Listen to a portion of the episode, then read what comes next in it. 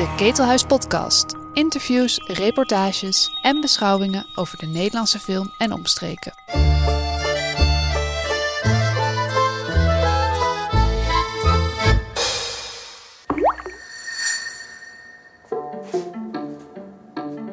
Welkom bij het Ketelhuis Itva Journaal met vandaag Biserka Shuran over Scenes with My Father. Dat is een, uh, een documentaire en daarin reconstrueer je in geanceneerde tableaus je familiegeschiedenis die tot op dat moment eigenlijk uh, onuitgesproken is gebleven. Zo vat ik hem even samen.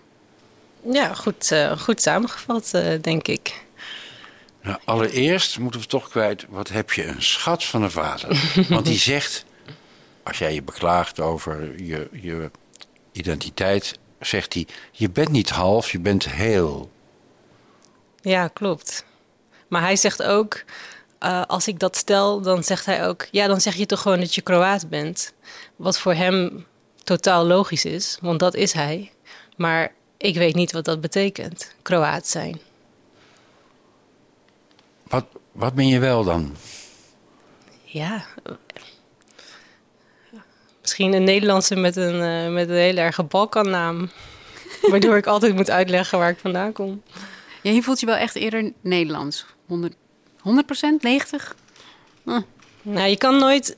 Kijk, ik heb gewoon al mijn zomers daar uh, gespendeerd. Ik ben daar geboren. Uh, mijn halve familie komt daar vandaan. Dus die ervaringen die kan je niet vergeten. Die horen bij je. En daardoor dat maakt je wel iets anders dan iemand die, uh, die 100% uh, Nederlands is, denk ik.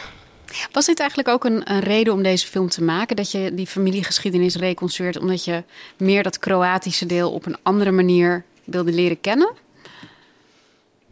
Nee, nee, dat was niet per se de reden. Ik denk dat het voor mij echt heel erg ging over een pijn uh, die ik met me meedroeg en draag, uh, die ik niet begreep.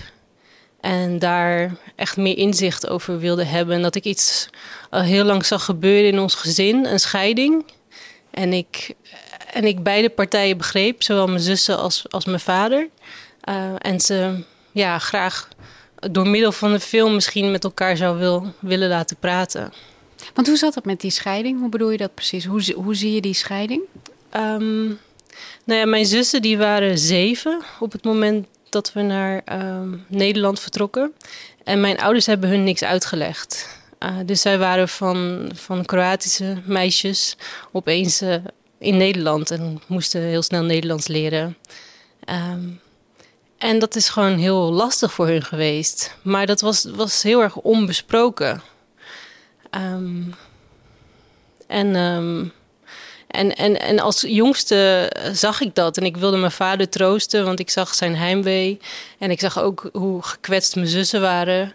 En dat zij niet met elkaar konden praten, omdat mijn vader nou, is zoals hij is. Hij is, uh, hij is zeker een aardige, nette meneer. Maar ook een, ook, een, ook een man met een hele duidelijke visie over uh, hoe je je leven moet leiden. Wat, je, wat een goede vrouw is. En daar is hij gelukkig iets, iets milder in geworden afgelopen drie jaar. Maar dat was behoorlijk uh, sterk, zeg maar. Nou heeft die, jouw film dus een ongelooflijk helende werking op, op het gezin gehad. Of op de familieband. Um, ja, dat, dat, is, dat kan ik nu nog niet zoveel over zeggen. Mijn vader ziet hem vanavond voor de tweede keer. Ik heb hem één keer aan, aan allebei mijn zussen laten zien. Misschien zouden we hem een keer met z'n allen tegelijk moeten kijken. Om echt een soort van uh, familieversmelting uh, uh, plaats te laten vinden. Maar het is nu nog allemaal nog, zijn er nog eilandjes. En als ik mag vragen, waar is de moeder? ja, mijn moeder is dus Nederlands. Ja? Um, die is, um, ze hebben elkaar ontmoet op het strand en zij is in 1980 nee, 1983 geëmigreerd vanuit Amsterdam naar, naar Kroatië. Um, omdat ze dus verliefd uh, was geworden op mijn vader. Ze hebben elkaar acht jaar lang geschreven. Um, en ja, daar heeft ze mijn zus gekregen en mij. En ja, voor haar was het ook moeilijk en zwaar, die, die keuze om weg te gaan. Maar ze ging wel terug naar haar eigen land. Uh, dus zij heeft zich veel makkelijker weer kunnen aanpassen, denk ik. Uh, dus daar zat veel minder, zit veel minder conflict bij haar dan bij mijn vader. Uh, ze zit wel in de film, in stem, maar ze heeft wel een uh, ja, net zo grote rol als de andere familieleden. Omdat er niet zoveel conflict bij haar gaande is, is als ze erover over praat, dan kan ze nog steeds wel het verdriet voelen van die tijd en de spanning en, en, en hoe, hoe, ja, hoe spannend het was om weg te gaan en moeilijk. Maar ja, ze is hier uh, heeft ze ook weer een carrière gemaakt en, en een bedrijf opgezet. Uh, dus ja, het is wel goed voor haar gegaan daarna. Dus, ja. Je vader is een hele nuchtere verteller. Hij is een man van, van korte antwoorden. Hij, je zei net al, hij is heel stellig. Mm -hmm. um, dat lijkt me best ingewikkeld als je die hebt als een soort onderwerp voor je documentaire. Hoe was het om hem te interviewen? Ja, hij wilde dus ook helemaal niet meedoen. Dat, uh, dat was ook uh, interessant. Uh, als je dan een hoofdpersonage hebt die niet meedoet, roept ook wel ethische vragen op. Um, Hoe heb je maar ingelokt dan? nou ja, goede vraag. op een gegeven moment dan moet je altijd zo'n een quitclaim ondertekenen over toestemming dat het hoofdpersonage meedoet. En hij wilde het niet. En toen ja, heb ik iets toegepast wat, wat ik als kind natuurlijk ook deed. En dat is ja, gaan huilen. en uh, ja, toen kon hij geen nee zeggen. En hij is ook iemand die, um, die dan altijd zegt van... oké, als iemand uit de familie iets aan je vraagt... als die hulp nodig heeft, dan moet je diegene gaan helpen. En, en, en hoewel hij er helemaal geen zin in had... Uh, is hij toch zo plichtsgetrouw... dat hij dan toch ja, komt opdagen. En ik denk dat mijn moeder ook wel behoorlijk... heeft zitten pushen dat hij wel gewoon mee moest doen. Dus dan, breng je hem, de schermen. ja, dus dan breng je hem op die set. Hij heeft eigenlijk al geen zin. Het nee. is ook een man die inderdaad korte antwoorden geeft. Hoe ga je, hoe ga je zo'n interview in dan? Um, nou, het is, ik ben niet helemaal mee eens dat hij korte antwoorden geeft. Misschien hebben wij die wel veel meer verkort in, in de edit. Want hij is behoorlijk langdradig en hij praat ook graag. Dus uh, toen ik zei van, nou ja, het idee van de film is dat ik je de, hele tijd ga interviewen. Toen zei hij, nou, dat is het makkelijkste voor mij wat er is. Um, praten. Um, dus op zich, als hij eenmaal op zijn praatstoel zit, dan, uh, dan komt hij wel los. En hij begon het ook echt oprecht leuk te vinden tijdens het draaien. Dus dat was wel, en dat zie je ook wel gebeuren in de film, maar dat was ook wel echt zo. Het is grappig als je mensen natuurlijk vraagt naar hun gebeurd. Hij zegt dat zelf ook in de film. Van, ik vind het leuk om over leuke dingen te praten. En over hoe hij je moeder heeft ontmoet en zo. Dat wist jij daarvoor allemaal helemaal niet? Of alleen heel erg kort? Jawel, ik wist, ik wist, uh, ik wist natuurlijk heel veel. Maar je krijgt toch weer elke keer nieuwe informatie te horen. Want oké, okay, je weet, oké, je ouders hebben elkaar op, op strand ontmoet. En je, ik wist van die brieven. Maar als je dan echt gaat, verder gaat vragen naar details, dan, dan, of verder gaat vragen, dan komen de details naar boven die ik toch niet wist. En die toch wel weer heel, uh, ja, heel grappig zijn, leuk. Je vader is heel duidelijk over het uh, uh, niet helemaal gelukt zijn van zijn familie, waaronder jij, een dochter die naar de filmacademie is gegaan. Nou, daarmee kan je natuurlijk absoluut niet in je levensonderhoud voorzien. En toen hij op de set verscheen en je, je, gebruikt heel extreem gestileerde decors. Stel ik me zo voor dat zijn eerste reactie was: waar ben je nou in godsnaam mee bezig? Um, nou, valt mee. Hij had het wel bij één scène, die, die, die heeft de film niet gered. Maar toen, ja, in die scène had ik mijn, mijn jurkje aan uh, waarin ik in ben gedoopt. Uh, op mijn negende. Um, nou ja, dat ik, als ik die nu, die kan ik dan net aan, maar het ziet er natuurlijk vrij bizar uit.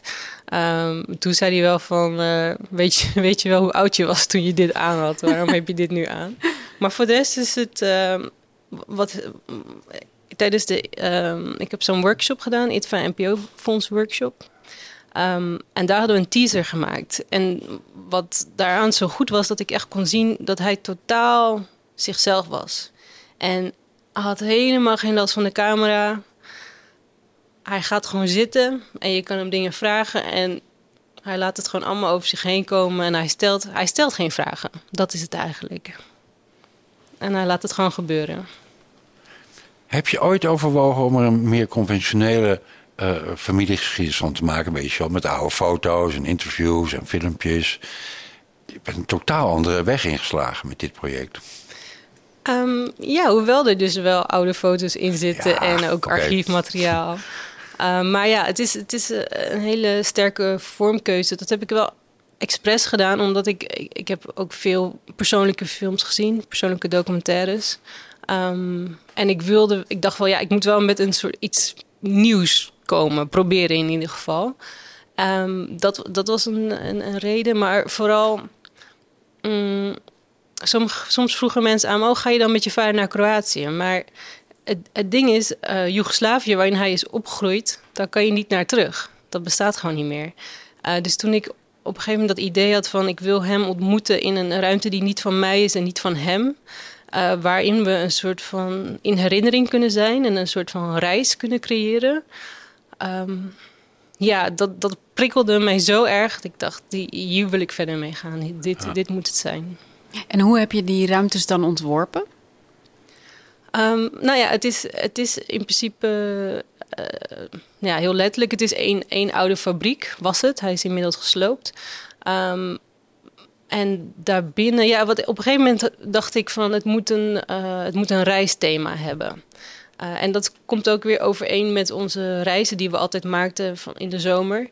Ehm, eerst met de trein van Nederland naar Kroatië, wat een hele lange reis is, vooral als kind. En toen dacht ik, oké, maar wat deden we dan? Nou, dan gingen we met de trein en dan... ehm, nou ja, we gingen dan met slaaptrein, maar op een gegeven moment hadden we een auto en dan gingen we ergens logeren. Dus toen, oh ja, en dan gingen we ook altijd ergens eten. Dus toen kwamen we zo, dacht ik, oké, nou dan is er een treinscène, een scène dat we lopen, die heeft het niet gered. Uh, een scène in de auto, een scène in een restaurant, een scène in een hotelkamer. Dan wordt dat, worden dat de motieven en dan hebben we altijd nog die um, stoelenscène die tussendoor komt. In die stoelenscène uh, je heel nadrukkelijk uh, uh, in het pak van je vader, zeg maar. Hè? Je hebt mm -hmm. echt een kostuum aangetrokken. Ja. Ik vond het wel mooi, maar wat...